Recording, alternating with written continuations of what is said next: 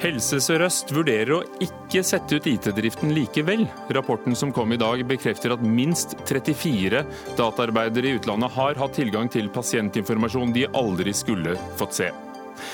Regjeringen vil heve maksimumsstraffen fra 21 til 26 års fengsel for grove volds- og seksualforbrytelser. Et føleri uten faglig begrunnelse, sier forsvarerne i Advokatforeningen.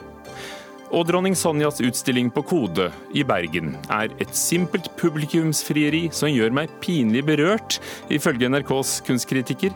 Hun kaller utstillingen en krenkelse, men Munch-museets direktør føler seg overhodet ikke krenket.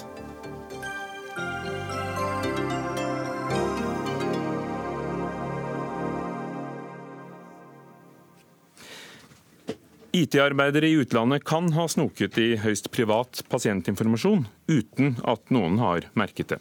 Avsløringen som kom i NRK tidligere for noen uker siden ble bekreftet i dag en rapport som Helse Sør-Øst selv har bestilt. Konsulentselskapet Price Waterhouse Coopers slår fast at minst 34 ansatte hos underleverandører har hatt tilgang til helseinformasjon og dokumenter og e-poster hos ansatte i Helse Sør-Øst. Price Waterhouse Coopers utelukker ikke at IT-folk i utlandet fremdeles har tilgang til sensitive opplysninger. Katrine Loftus, administrerende direktør i Helse Sør-Øst. Hvordan forklarer du at dette har skjedd, og for alt vi vet pågår fortsatt? Ja, først og fremst vil jeg si at dette er en uh, alvorlig situasjon, og jeg er den første til å beklage det. Vi har um, et prosjekt som skal uh, gjøre at vi får modernisert vår IKT-infrastruktur, og det skal nettopp gjøre at den blir mer sikker.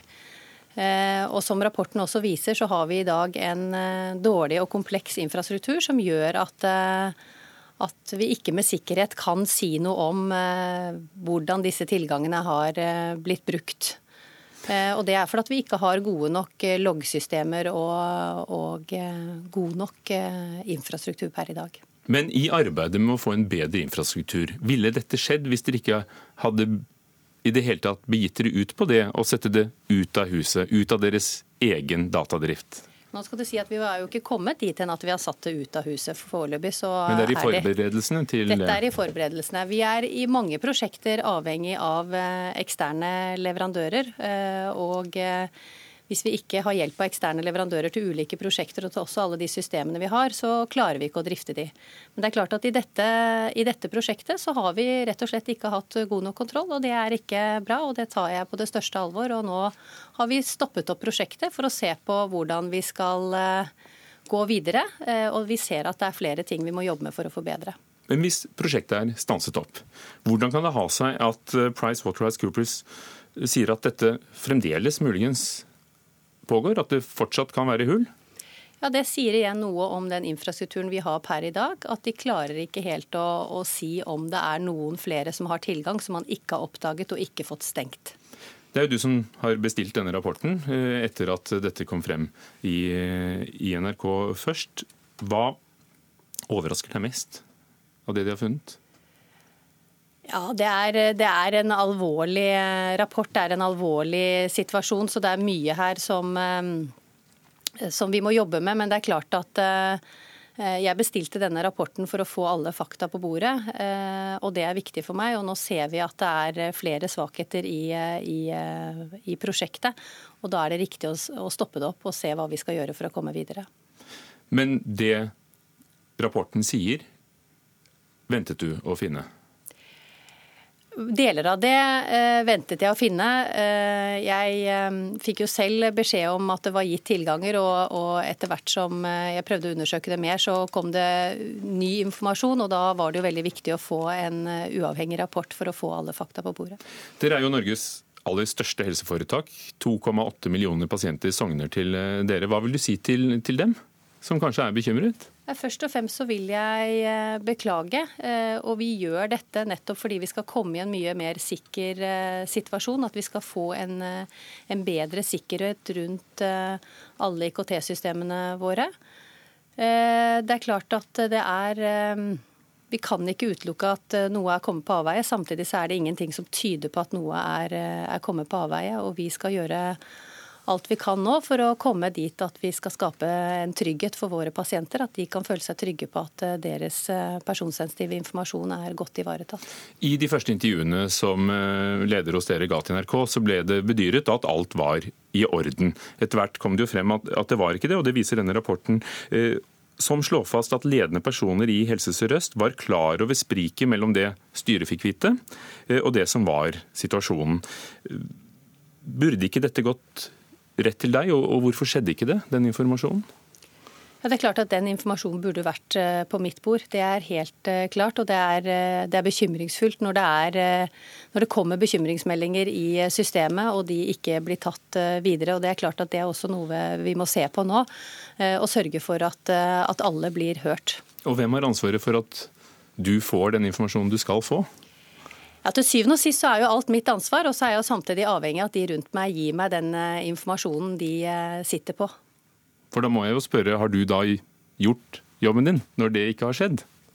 Ja, jeg mener at jeg har eh, etterspurt og satt fokus på dette. Og det er informasjon som ikke har kommet på mitt bord, og samtidig så er det til syvende og sist mitt ansvar. Dette hele begynte jo med at eh, styret i Helse Sør-Øst eh, i september i fjor bestemte seg for at en del av IT-infrastrukturen i moderniseringen kunne legges ut. Og Det var et eh, stort selskap, HP, som vant denne kontrakten. Er det i det hele tatt mulig å tenke seg at det går an å drive en så kompleks infrastruktur, som du sier selv, dette er uhyre vanskelige ting, utenfor huset, uten at sånne feil kan oppstå? Ja, nå er det som jeg sier at Vi er hele tiden avhengig av eh, eksterne leverandører til å drifte både vår eh, infrastruktur og våre systemer. Så å leve helt isolert fra resten av verden, det kommer vi aldri til å klare. Eh, og Samtidig så, så, er det alvorlig det som har skjedd i denne situasjonen her. Vi har ikke hatt en god nok gjennomføring av prosjektet, og det er derfor vi stopper opp nå og ser på hvordan vi skal ta dette videre. Betyr det at dere kanskje ikke vil sette ut denne delen av datadriften deres? Jeg utelukker ingen, altså ingen, av alternativene som finnes. og det er klart at I sin ytterste konsekvens så kan dette føre til at vi må terminere kontrakten, men det er det for tidlig å si nå.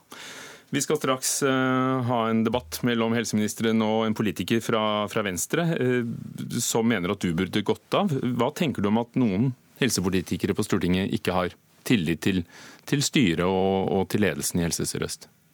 Altså, Stortingsrepresentantene skal ikke jeg eh, gå i polemikk med, men jeg forholder meg til mitt styre. Et enstemmig styre har i dag besluttet hvordan vi skal ta denne saken videre, og bedt meg komme tilbake i juni, og det forholder jeg meg til.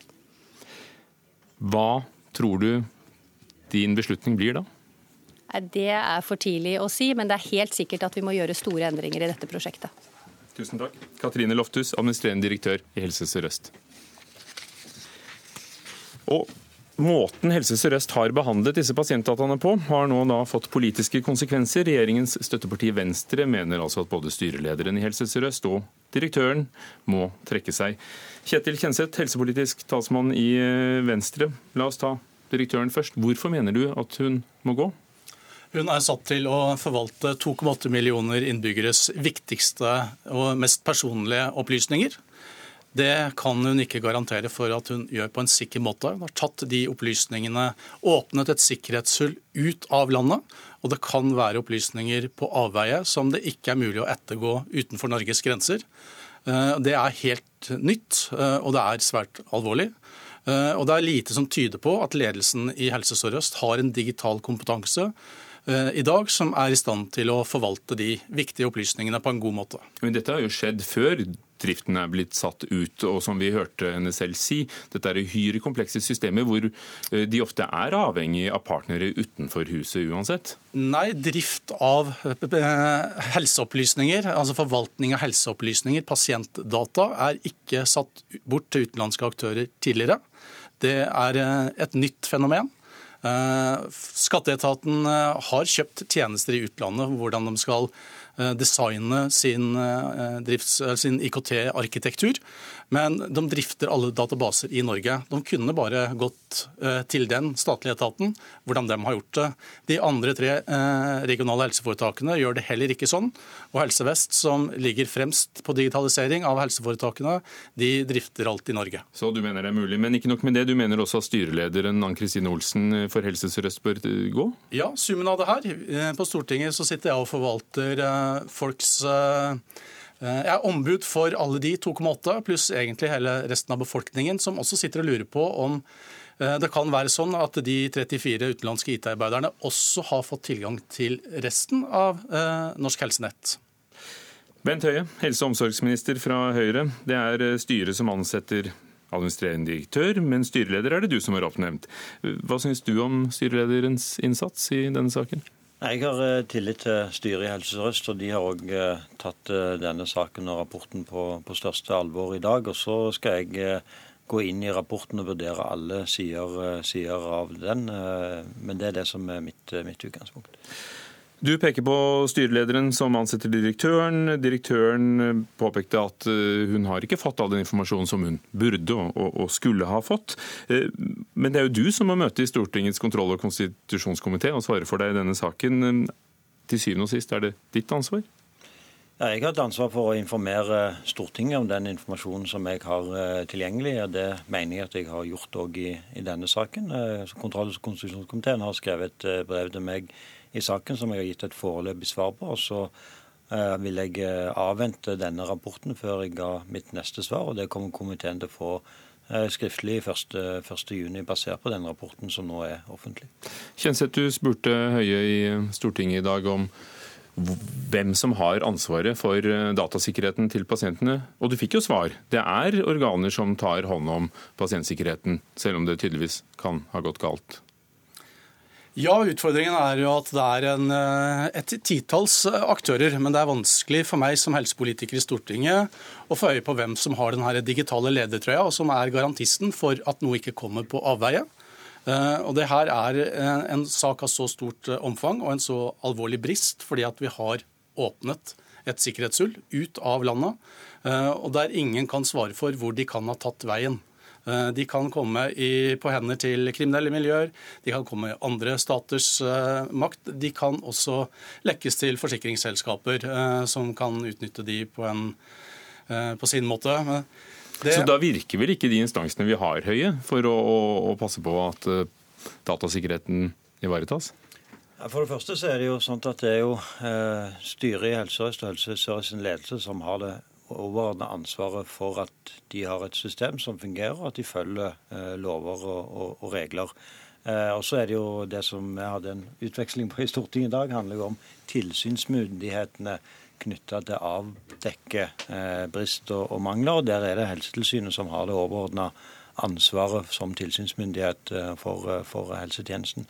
I denne saken her så mener jeg at denne rapporten peker på en del forhold som jeg mener òg går ut over den konkrete saken i Helse Sør-Øst. Fordi, som òg Helse Sør-Øst sin direktør var inne på, det er ikke mulig å drifte den norske helsetjenesten i dag uten å bruke private underleverandører på IKT, helseutstyr, medisinsk-teknisk utstyr.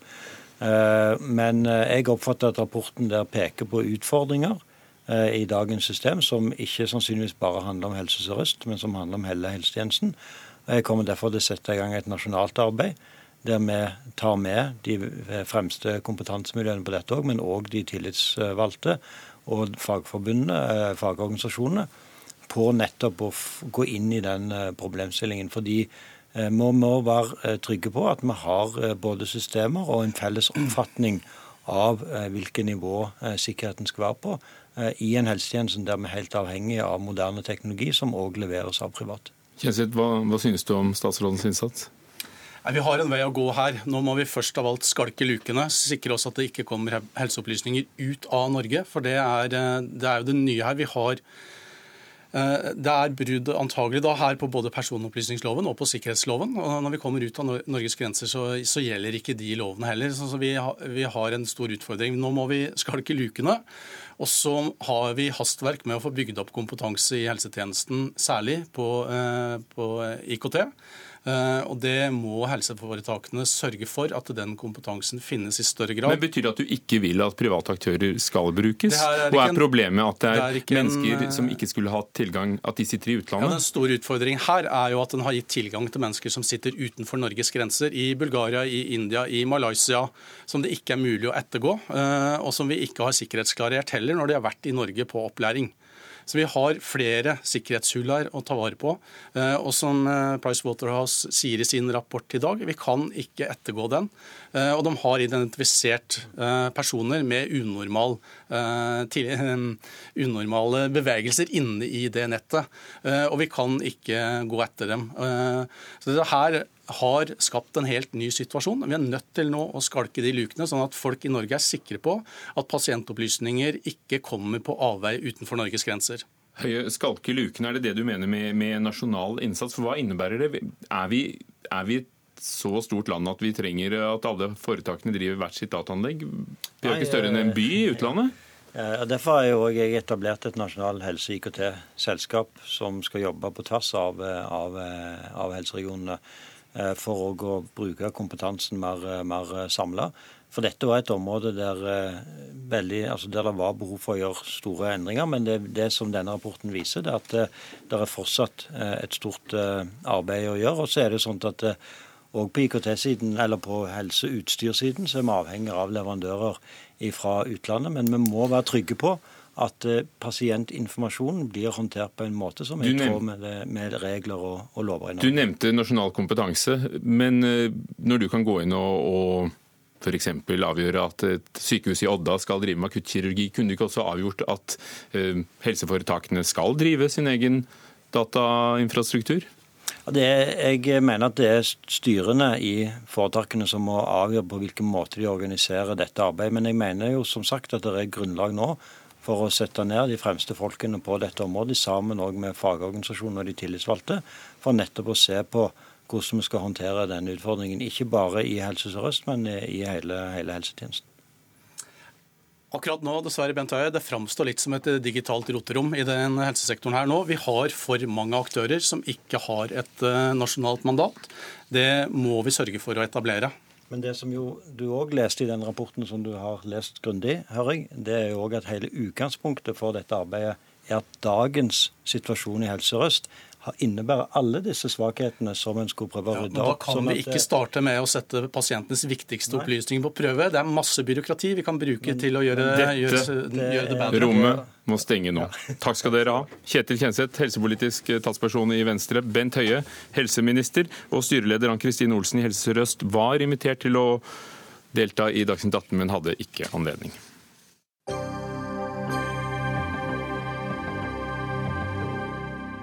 Vi skal til Manchester i England, der politiet har gjennomført flere eh, aksjoner i dag. Tre personer er pågrepet etter terrorangrepet mandag kveld. Politiet tror ikke gjerningsmannen opererte på egen hånd.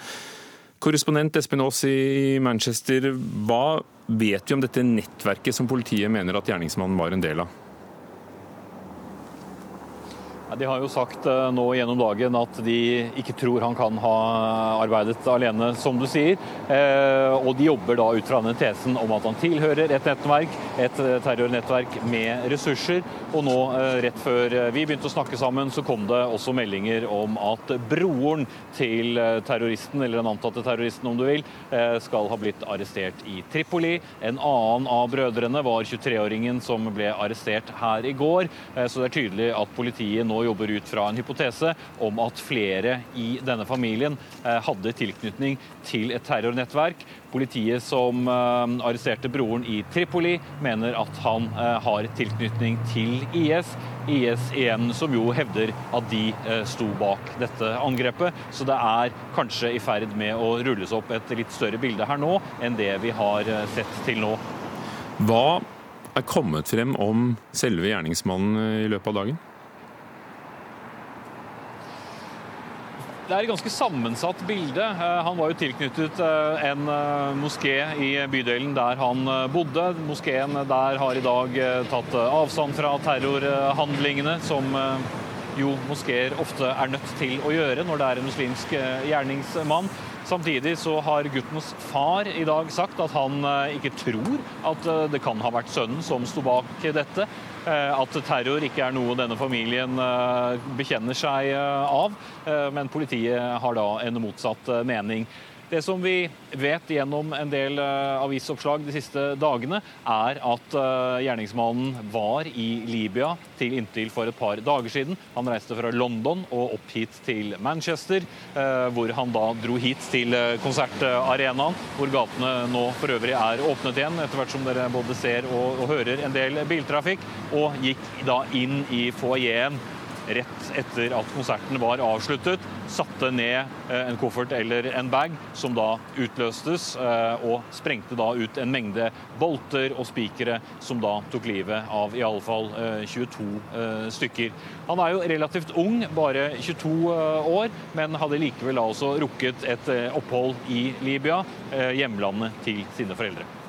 Takk, Espen Aas, vår korrespondent på plass i Manchester i England. Dagsnytt 18 alle hverdager kl 18.00 på NRK P2 og NRK2.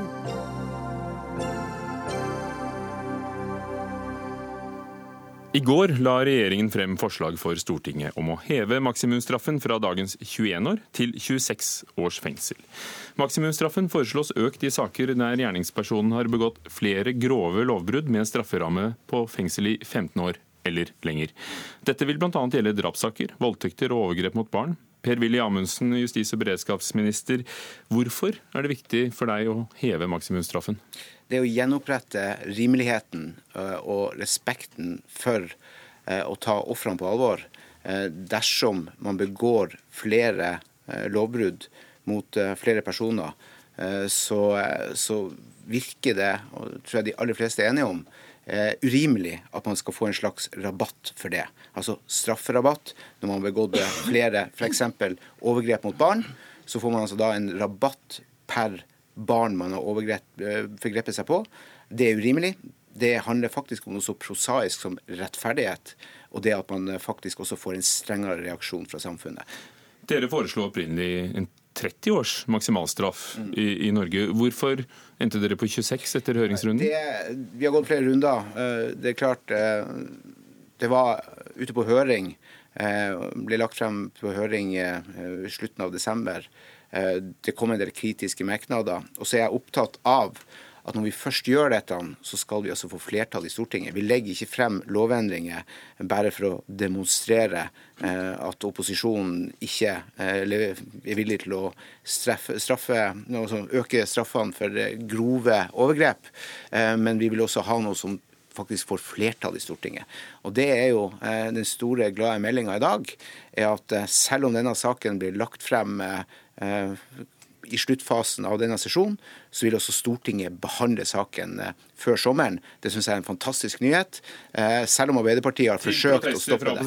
Vi skal ta det politiske siden, ja. men, men du, du, sier at eh, du vil gjenopprette respekten for ofrene. Føler du at den er blitt borte? Ja, jeg opplever, og mange med meg opplever, dette har vært en viktig sak for Fremskrittspartiet og Høyre, at man ikke skal få en rabatt når man begår Eh, grov kriminalitet eh, med altså, grov integritetskrenkende kriminalitet med et offer, og, flere, og da flere offer, eh, så er det urimelig at man har fått en strafferabatt for det. Det vil vi gjøre noe med. Det ligger i denne proposisjonen. Og når vi da gjør det, så er det også naturlig at vi hever maksimumsstraffen. fordi at hvis man da gjør såpass mange eh, grove eh, lovbrudd, så vil altså de når man da summerer dem opp istedenfor å gi rabatt, så vil man også da kunne nå den grensa på 21 år. Derfor også reiser vi grensa til 26. Marius Didriksson, leder av forsvarergruppen i Advokatforeningen. Er det sånn det fungerer i dag, at folk får strafferabatt eh, hvis de utsetter eh, flere ofre for grove overgrep? Uttrykket er villedende. Det er ikke riktig at det gis strafferabatt. Eh, når dette arbeidsnotatet som lå til grunn for forslaget nå var ute på høring, så kom det ikke bare protester, men sterke innsigelser fra hele Justis-Norge. Fra påtalemyndigheten med Riksadvokaten på topp, som hadde eh, fundert sine merknader med høringer til alle statsadvokatembeter. Fra domstolen med Høyesterett på toppen til eh, også nå Advokatforeningen, hvor alle klart og entydig sier stopp, ikke gjør dette. Men hvorfor? Hvorfor vil du si stopp? Eh, I Norge så utmåles straffene med utgangspunkt i det straffbare forholds karakter og siktedes eh, skyld, og det er en konkret skjønnsmessig vurdering. Dette er et skritt i retning av det amerikanske. Er det sånn du vil ha det? Altså At du eh, kan få ende opp med 150 års fengsel? Egentlig. Forslaget her handler om å heve taket til 26 års fengsel. Men ja, det handler også om at man skal legge, i større grad legge sammen straffa for ulike forhold som er av en svært alvorlig karakter, altså strafferamme 15 år eh, eller mer, eh, og at man eh, ikke skal oppleve at man gir rabatt for det. Så, så, skjønner jeg så skjønner jeg Didriksson, det, det handler om ofrene, ikke allmennpreventive Dette er altså en retning av det amerikanske systemet hvor man legger straffene oppå hverandre. Et rettssystem som med henhold til eh, rehabilitering av de siktede, med henhold til hvordan strafferettssystemet fungerer, det fungerer ikke. Ikke la oss innføre det her. Det, det, det jeg må påpeke er at når, når fagorganene til justisministeren utreder dette spørsmålet, så påpeker de selv at de hensynene som ligger til grunn for kriminalisering og straffutmålingspraksis i Norge, de slår ikke inn her. Det har vært utredet før. Da ville man ikke gå inn for det. Fordi hensynene slår ikke inn. Individualprevensjon, allmennprevensjon, de hensynene som bærer strafferettssystemet, slår ikke inn her. Så det, så det de sier her, det justisministeren har fått inn i høringsnotatet, er at eh, vi gjør det likevel. For dette er et eh, verdispørsmål, sier de. Ja, et verdispørsmål fra, for kanskje deg, men altså ikke for eh, Justis-Norge. Og, og hvis det er for deg, hvordan er det for eh, sidemannen din eller han som overtar? Jeg, jeg tror vi må få frem at det må være Straff er å påføre borgere, helt riktig, lidelse, men det er et formål. Formål er allmennprevensjon og lidelse. Og vi skal ikke gå inn i et samfunn hvor staten påfører borgerne lidelse helt unyttig. Vi gjør det bare Amundsen. fordi det for en person Amundsen. er et Jeg er litt, jeg er litt fascinert her nå, fordi at eh, nå tror jeg vi må klarere ord litt opp i statsmakten. Eh, da, altså med lovgivende, utøvende og dømmende statsmakt. Eh, Du representerer den tredje.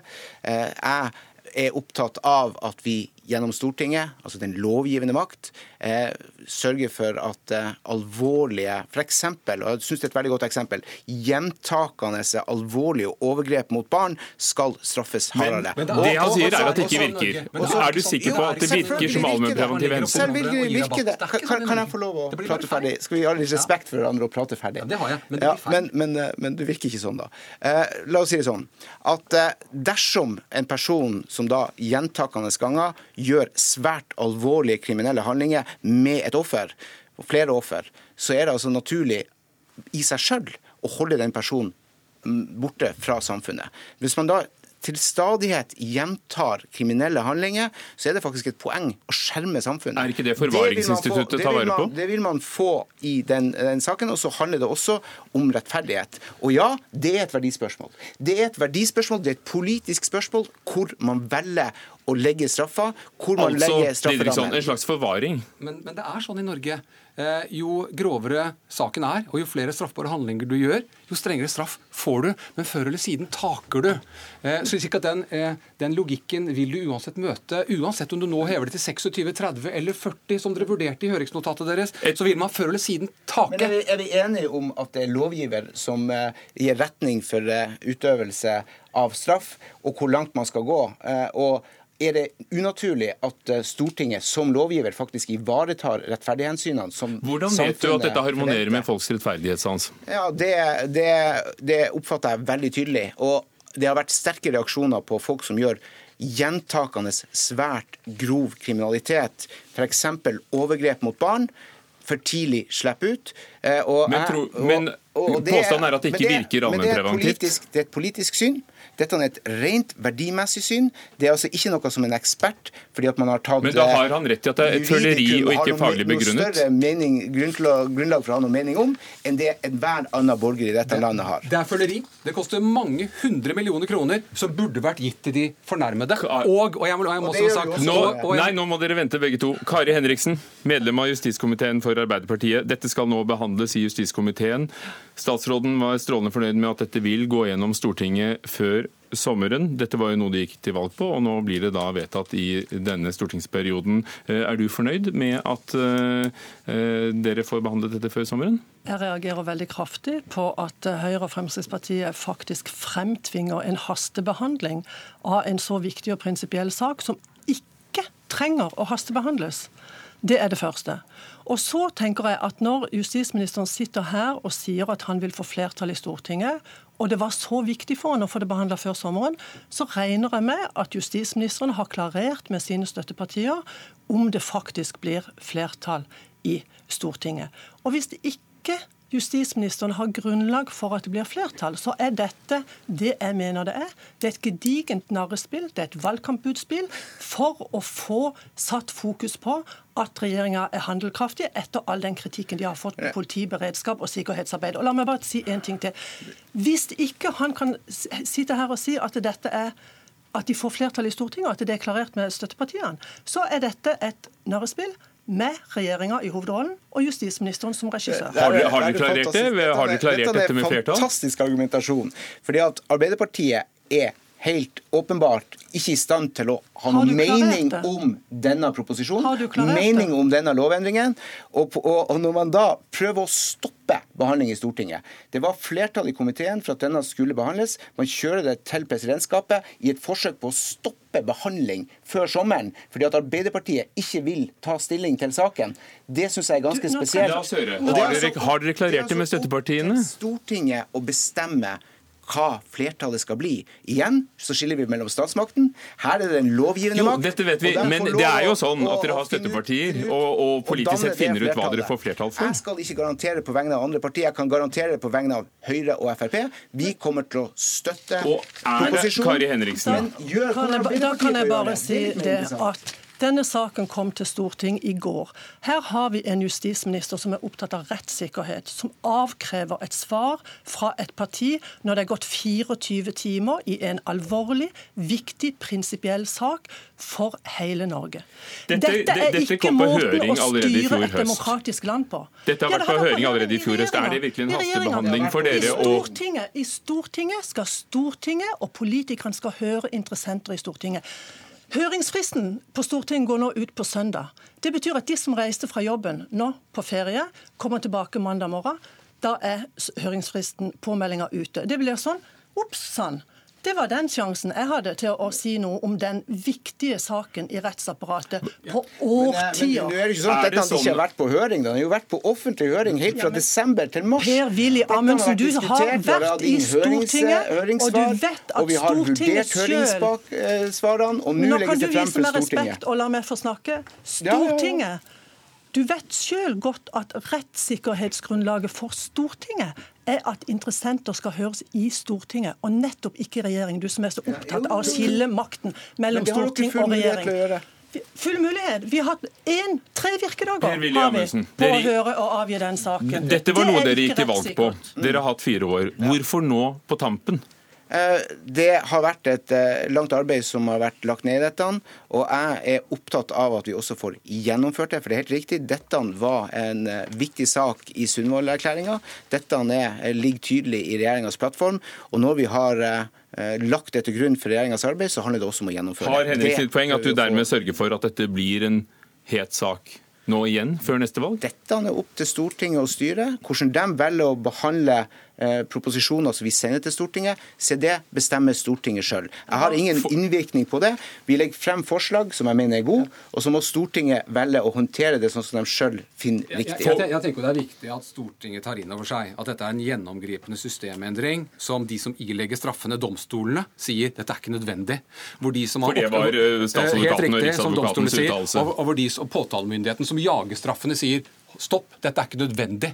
Dette er en gjennomgripende systemendring som mangler en begrunnelse. Hvor kriminalomsorgen, fengslene, sier dette koster mange hundre millioner kroner i året. Bruk Vil... de pengene til noe mer fornuftig. Gi det til de fornærmede. Vil Arbeiderpartiet ha strengere maksimumsstraffer? Vi har sagt at vi er betenkte for det. Og Spesielt fordi dette er en sånn veldig prinsipiell sak. Men vi har ikke sagt at vi er avvisende. Vi har sagt at vi skal gjøre en grundig vurdering av det som faktisk står i denne proposisjonen. Det nå? Nei, det får vi ikke tid til. Og Nå håper jeg bare at verken Advokatforeningen eller Riksadvokaten eller noen reiser på ferie, sånn at de kan få med seg at høringsfristen er midnatt søndag, og at høringen er på tirsdag. Vår frist er nå. Takk skal dere ha. Kari Henriksen fra Arbeiderpartiet, Per-Willy Amundsen, justisminister, og Marius Didriksson, leder for forsvarergruppen i Advokatforeningen.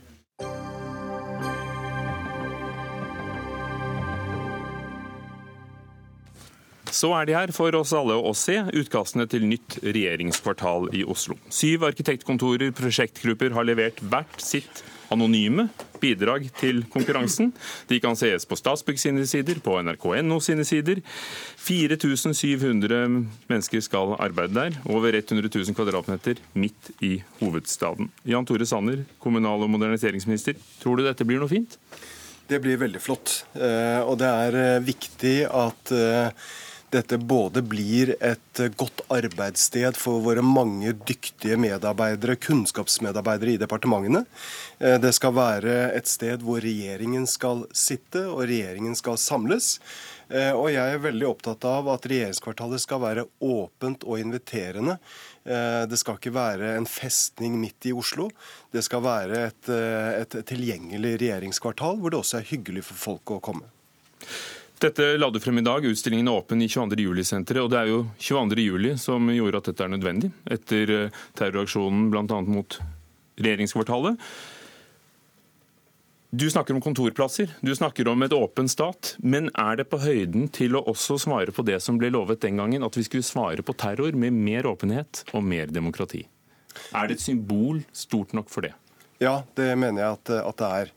Eh, og så er det viktig å huske på, som du eh, også gjør, eh, den grusomme forhistorien til at vi nå bygger et nytt regjeringskvartal. Og fortsatt så er sporene tydelige, og de menneskelige sårene er mange. Våre medarbeidere i departementene de ser dette hver eneste, eneste dag. Eh, så har jeg gitt en veldig klar beskjed at i disse årene hvor vi nå planlegger, skal rive og skal bygge nytt, så skal også regjeringskvartalet være åpent. Derfor har vi åpnet opp for at man kan gå under Høyblokka, slik at, eh, at dette er et tilgjengelig område. Det vi nå gjør, er at vi tar med oss noe av historien inn i det nye.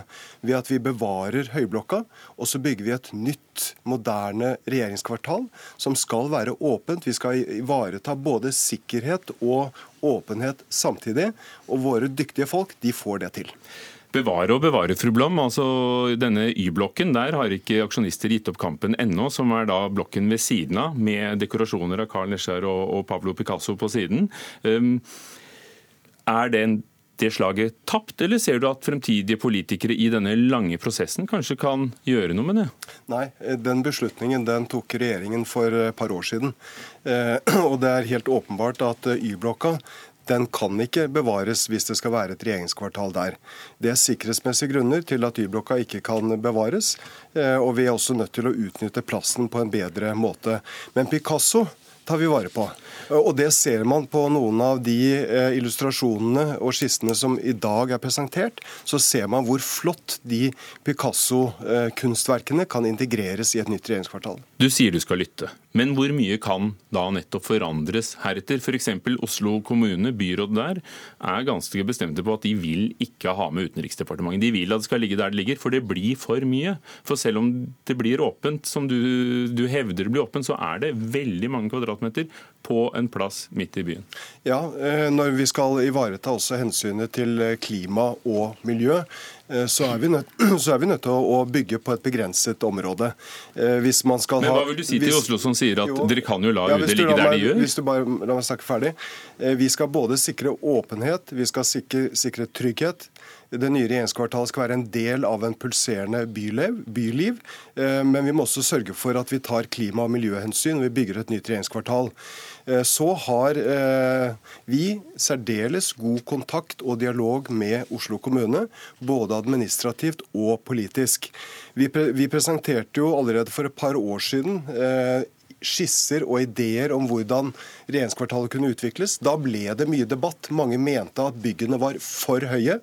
Eh, når man nå ser de eh, forslagene som nå har kommet på bordet, så ser man at den debatten den satte også sine spor. Nå er det noe som jeg tror at folk kommer til å være veldig stolte av. Så når de gjentar i dag i Oslo kommune, byråden der, at de ber dere en gang til vurdere at UD kan ligge der de gjør for å få litt færre kvadratmeter, så bør de ikke gjøre seg noen forhåpninger? Nei, Det handler også om, om, om, om sikkerhet. Eh, og vi, vi, vi må ivareta sikkerheten Eh, til medarbeiderne i departementene. Det skal være også et eh, inviterende og åpne sted hvor folk kan, folk kan, komme. Eh, og Det er viktig for samhandlingen i regjeringen og i departementene at vi kan være på ett sted og ikke ulike steder i, i byen. Takk skal du ha, Jan Tore. Jeg kan ikke være mer inviterende nå. jeg, vil, jeg, vil, invitere folk til å komme oss og se. Dette er åpent, og folk kan Og det ligger til og med på nettet. Carl Otto Ellefsen. Professor i arkitektur ved Arkitekthøgskolen i Oslo og nestor i byplanlegging i Norge. Åpent og inviterende. Hva syns du etter å ha sett på forslagene?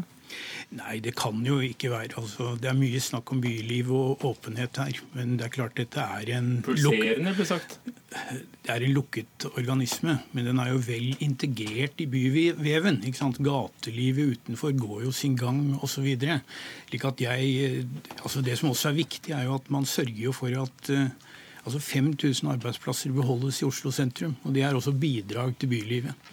Så jeg er ikke så veldig redd for eh, på en måte at det er en lukket eh, organisme. Det blir litt sånn som altså Rikshospitalet lå midt i byen i sin tid og var en lukket organisme, men det fungerte jo som en del av byen. og Slik tror jeg dette området også blir. Camilla Moneta, fagsjef i Norske arkitekters landsforbund eh, NAL. Nå skal juryen i gang. Det er ni medlemmer av den, hvorav to arkitekter oppnevnt av, av dere. Hva må de tenke på? Ja, Dette er en utrolig kompleks uh, oppgave, så de har en ganske krevende jobb. Um, og For de som har sett på prosjektene, så er det noen som sier at det ser veldig likt ut. Går man i dybden her, så er det ikke like prosjekter. De er veldig ulike, og det er bra. Fordi dette er en oppgave som krever uh, veldig mange vurderinger. Og de må se på uh, for det første bærekraftprinsippene. Er dette fulgt? Jeg er veldig glad for at Sanner snakker om at klima og bærekraft er en veldig viktig premiss i dette prosjektet. Da må juryen gå inn og se på hvert prosjekt at uh, hvordan er dette svart ut på en elegant måte. Uh, og vi vet jo at skal man gjøre dette ordentlig, så er det formen på bygget, orienteringen på fasadene, grad av åpenhet og lukkethet i fasadene, um, hvordan arealutnyttelsen er. Alt dette her er viktig for at vi skal få bærekraftig prosjekt. Og så skal det jo lage arbeidsplasser som er gode. Eh, de skal lage byrom som er gode, det skal være representativt og det skal være folkelig. Eh, man skal ha fasader som skal oppleves på avstand. Og det skal oppleves nært. Eh, man skal ha en menneskelig skala. Alt dette her må juryen se på. Ellefsen, Kan de oppnå en menneskelig skala og gode arbeidsplasser til nesten 5000 mennesker? Embetsmennene ønsket seg jo egne kontorer, til og med. Ja, ja da, det kan vi. Men, men siden Altså, jeg syns vi skylder lytterne å gi en vurdering av det materialet som er levert inn. Og vi kan si det sånn at det prosjektet det følger jo den reguleringsplanen som ble vedtatt i 2016. og Den, er, den gir føringer. og Det er vel kanskje slik, det som fører til at prosjektene ser overfladisk like ut. Hva er det som ikke fungerer, da? Det som fungerer, det som fungerer først, da. Vi har mange gode, Det består av en rygg. Det består av høyhuset. En rygg av kontorbygg. Det består av høyblokken. Det består av en park. Det som fungerer, som det er mange gode forslag på, det er hele den ryggen av kontorhus. Så står høyblokken i parken. Det som ikke fungerer, det er etter min oppfatning, det er parkprosjektet og inngangsforholdene. Det må på, det er, jeg ser ingen gode forslag som behandler den storstilte parken det er lagt opp til, og den, de inngangsforholdene mot Akersgata på en ordentlig måte. Der finner jeg lite å hente i konkurransen. Men når det gjelder hele strukturen av kontorbygg, så syns jeg det er mye å gripe fatt i, og mye som kan bli bra. Nøkternt og representativt står det i oppdraget. Er det på høyde med symbolverdien for dette stedet, særlig etter 22.07? Ja, det er jo ikke noe eh, mismatch mellom å være nøktern og representativ og eh, ha en høy symbolverdi. Og her er jo symbolverdien i hvordan man løser det eh, med den bestillingen som er gitt fra staten. Ehm, dette skal være gode arbeidsplasser, det skal være gode byrom, det skal være volum som gir eh, nok eh, plass til nok eh, jobber. Og det skal være løst på en måte som gir verdig, vakkert og varige bygg. Og det tror jeg faktisk at vi får til. Kan det forandre seg mye herfra til det står ferdig om seks, syv, åtte år, Ellefsen? Det kan det, men det er ikke sikkert det gjør det. Eh, det er mange store prosjekter i Oslo som er blitt akkurat slik som konkurransen var. I dette tilfellet så håper jeg juryen og byggherren kan påvirke de som får oppgaven til å endre det i en retning, slik at også de sidene ved prosjektene som i dag ikke fungerer, kan bli verdige og relativt symboltunge. Jeg tror den store parken er en nøkkel for å få det til. Har kommunen rett i at det, det blir for stort? Ja, det har de. Takk skal dere ha. Karl Otto Ellefsen, professor ved Arkitekthøgskolen, Camilla Moneta fra NAL og Jan Tore Sanner, statsråd.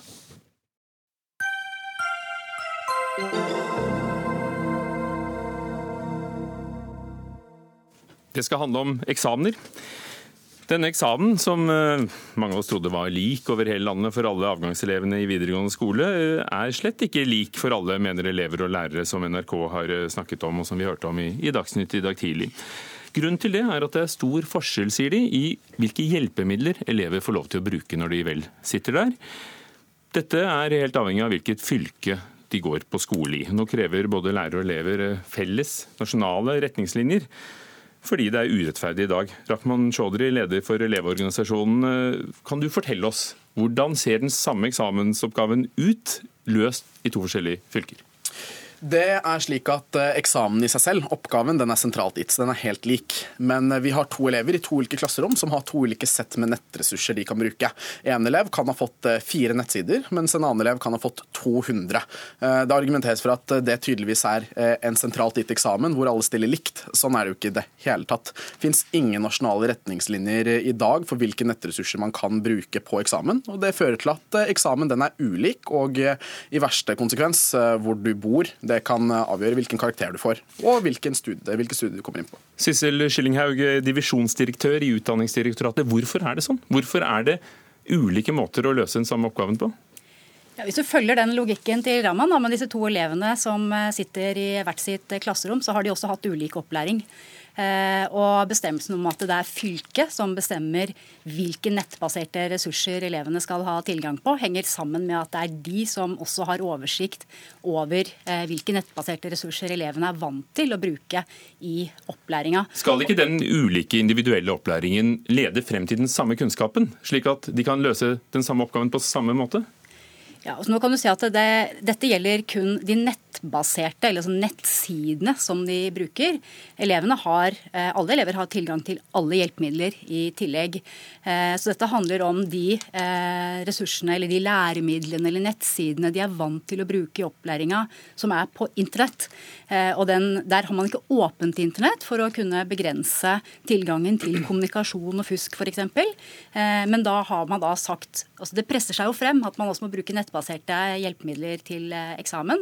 Og Det er der forskjellen ligger, eh, Rahman Chaudhry? Ja. Og forskjell, altså, det følger undervisningsopplegget de har hatt? Jeg synes direktoratet driver og bortforklarer seg her. fordi Selv om undervisningen kan ha vært annerledes, så er læreplanen helt lik fordi den er nasjonal, og eksamen den er sentralt gitt.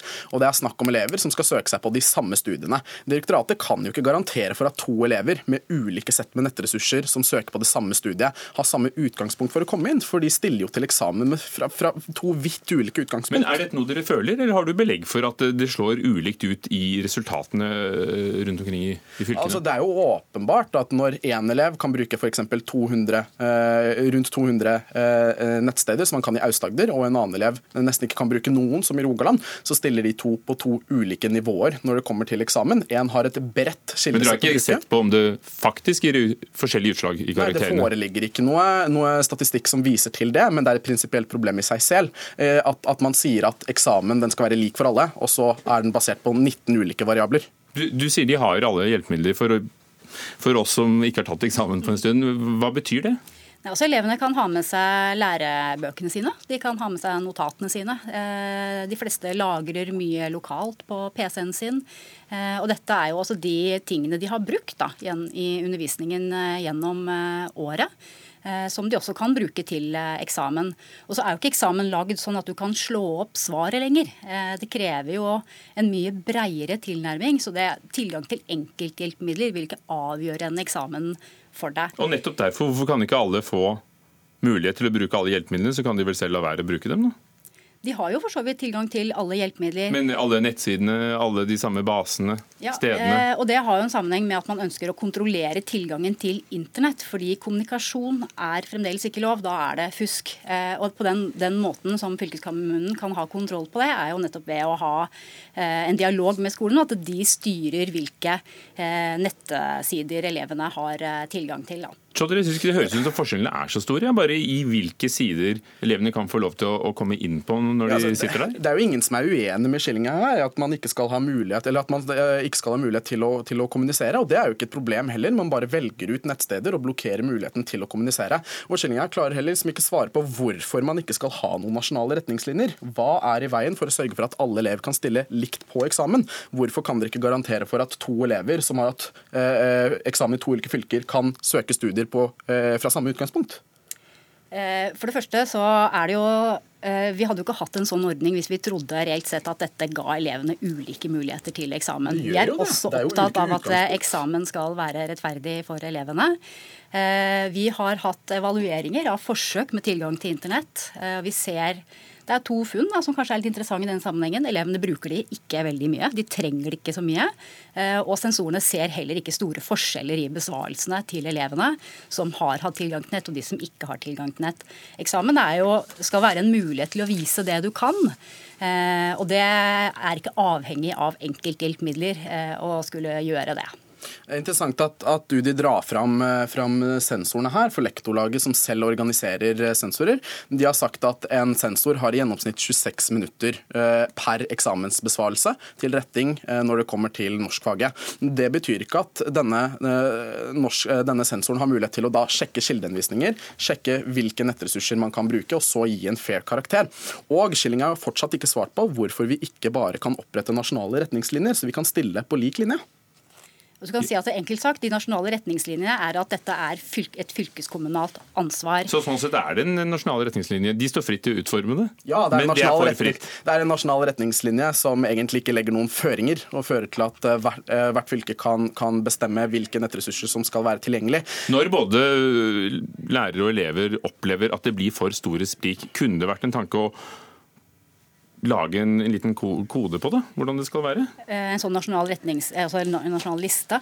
Eh, altså dette er, vi evaluerer eksamen kontinuerlig. Vi gjør endringer hele tiden. Dette her er nytt av året. Vi vil oppsummere de erfaringene vi har med denne endringen. Og Hvis det er noe som tilsier endringene, så vil det kanskje komme.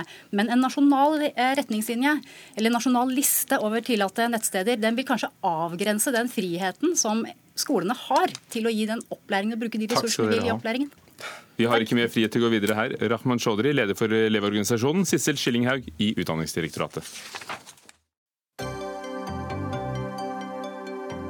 Hør Dagsnytt 18 når du vil. Radio NRK Radio.nrk.no.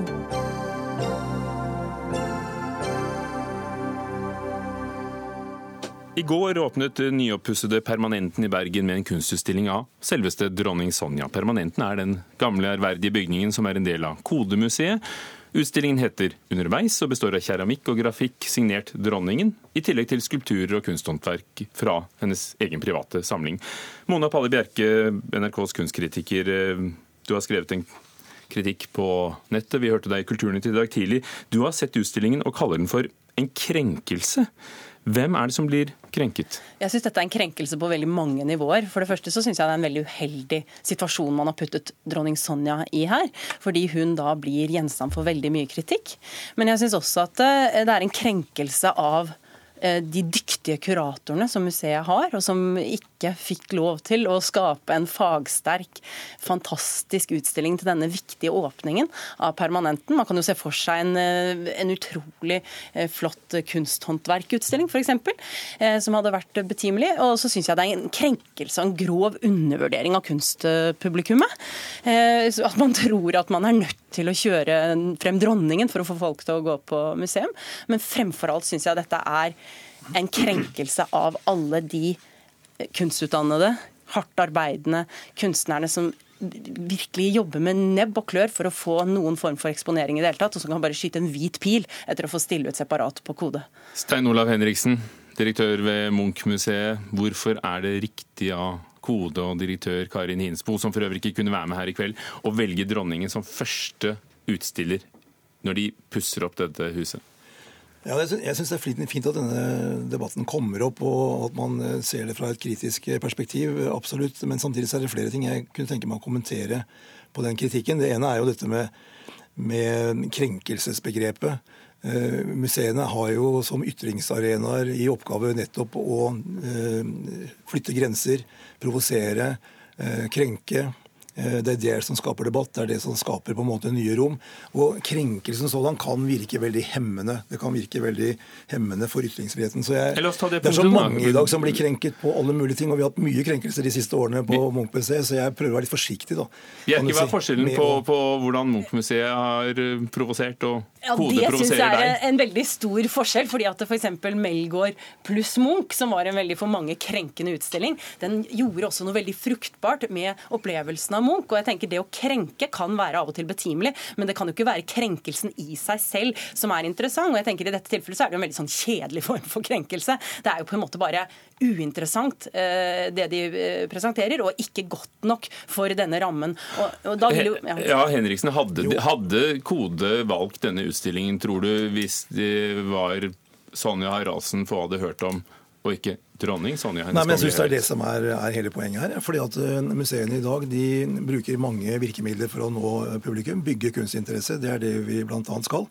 Eh, og da er det noen ting som har en rent kunstfaglig premiss, eh, som har en intensjon i det rent kunstfaglige. Men så er det også mange ting vi gjør som ikke har en ren kunstfag, men som har en bredere begrunnelse, en bredere premiss, kan du si. Vi gjør jo events, vi gjør arrangementer, vi har servering, vi har mange andre ting vi gjør for å skape interesse rundt kunst.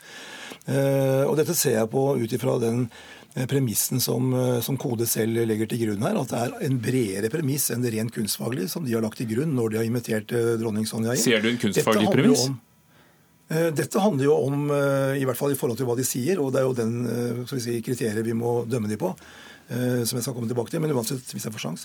Men uansett så tenker jeg det at at uh, man må kunne tillate seg å gjøre ting som også ligger litt utover det rent kunstfaglige, for å nå nye grupper, for å nå publikum og for å kunne drive fram kunstinteresse der hvor den ikke er fra før. Og det er klart at Dette kommer vi til å se en del mer av også, ikke fordi det er kjendiseri, men fordi at det er helt nødvendig å går litt ut av den tradisjonelle formidlingsformen eh, som vi har hatt i alle år, og som vi ser egentlig ikke gir så veldig store resultater, og gjøre nye forsøk på å nå ut. Det er, jo, ja, det er jo ingenting i veien med å prøve å, treffe bredt og prøve å være folkelig. Og jeg blir veldig bekymret faktisk ved at Henriksen sitter her og diskuterer disse tingene og tar, eh, tar eh, kode i forsvar. Fordi jeg opplever jo faktisk Henriksen som en direktør med et ganske godt øye til besøkstall, men som faktisk klarer å balansere dette ganske godt.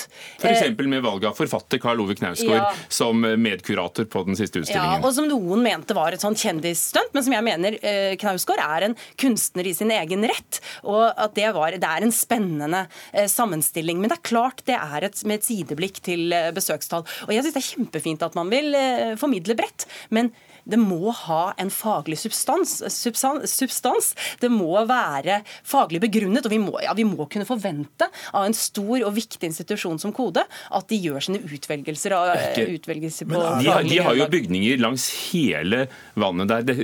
Permanenten er én av mange bygninger, som også har mange etasjer og mange saler. Det forhindrer dem ikke fra å også lage det du jo, men nå, altså, det Bergen sier eh, at de gjør. Men akkurat i øyeblikket så fyller faktisk Sonja det som er av utstillingsareal. fordi at det er jo Sølvskatten som er reetablert, og så er det faste samlinger som ennå ikke er kommet på plass. Og nå er det bare de tre salene som dronningen fyller. Og jeg syns dette er et viktig prinsipielt spørsmål. At skal man få lov til å ta en snarvei til en arena som dette, fordi man er dronning? Hun representerer den utøvende makt i Norge, om enn eh, symbolsk. Og jeg syns det er dypt problematisk. Henriksen, samtidig nå mens vi snakker, har også dronning Sonja en salgsutstilling i et privat galleri. Er ikke Kode med på å, å låne henne da en kunstfaglig autoritet eh, ved en sånn utstilling? Det gjør vi alltid når vi viser kunstnere, og det kan være mer eller mindre grunner for å gjøre det, men det gjør vi jo alltid. Men hun er ikke invitert inn for å være dronning. Hun er invitert inn, i hvert fall ifølge det Kode sier. Hun, de feirer en kunstners 80-årsjubileum som har gjort veldig mye for norsk kunstliv, har gjort veldig mye for Kode, har vært med å sette kunst på kartet, er en viktig samarbeidspartner for mange av oss når det gjelder nettopp det å nå ut til mange andre enn de som er allerede kunstinteresserte. Og det sier jo museet selv. Ja, hun har gjort mye, hun har gjort mye som, for norsk kunstliv, men ikke som kunstner. Som kunstner er hun altså Hun har et øye for koloritt, hun er formsans, hun er dyktig i sitt håndverk, men hun er ikke god nok for en arena som Kode. Det må vi bare erkjenne, og det erkjenner museet selv. Jeg syns det. Jeg syns at hun skulle hatt en rolleforståelse som gjorde at hun tenkte dette bør ikke jeg gjøre. Det er en veldig interessant eh, side ved dette i Bergen, og det er det at de sier at de gjennom dronningens kunstinteresse og nysgjerrighet så forsker de på hennes, ytrings, nei, hennes uh, ytringsbehov. Takk. Stein Olav Henriksen, direktør for Munch-museet. Dag Dørum, Hans Ole Hummelvold og Ugo Fermariello sto for Dagsnytt 18 i dag.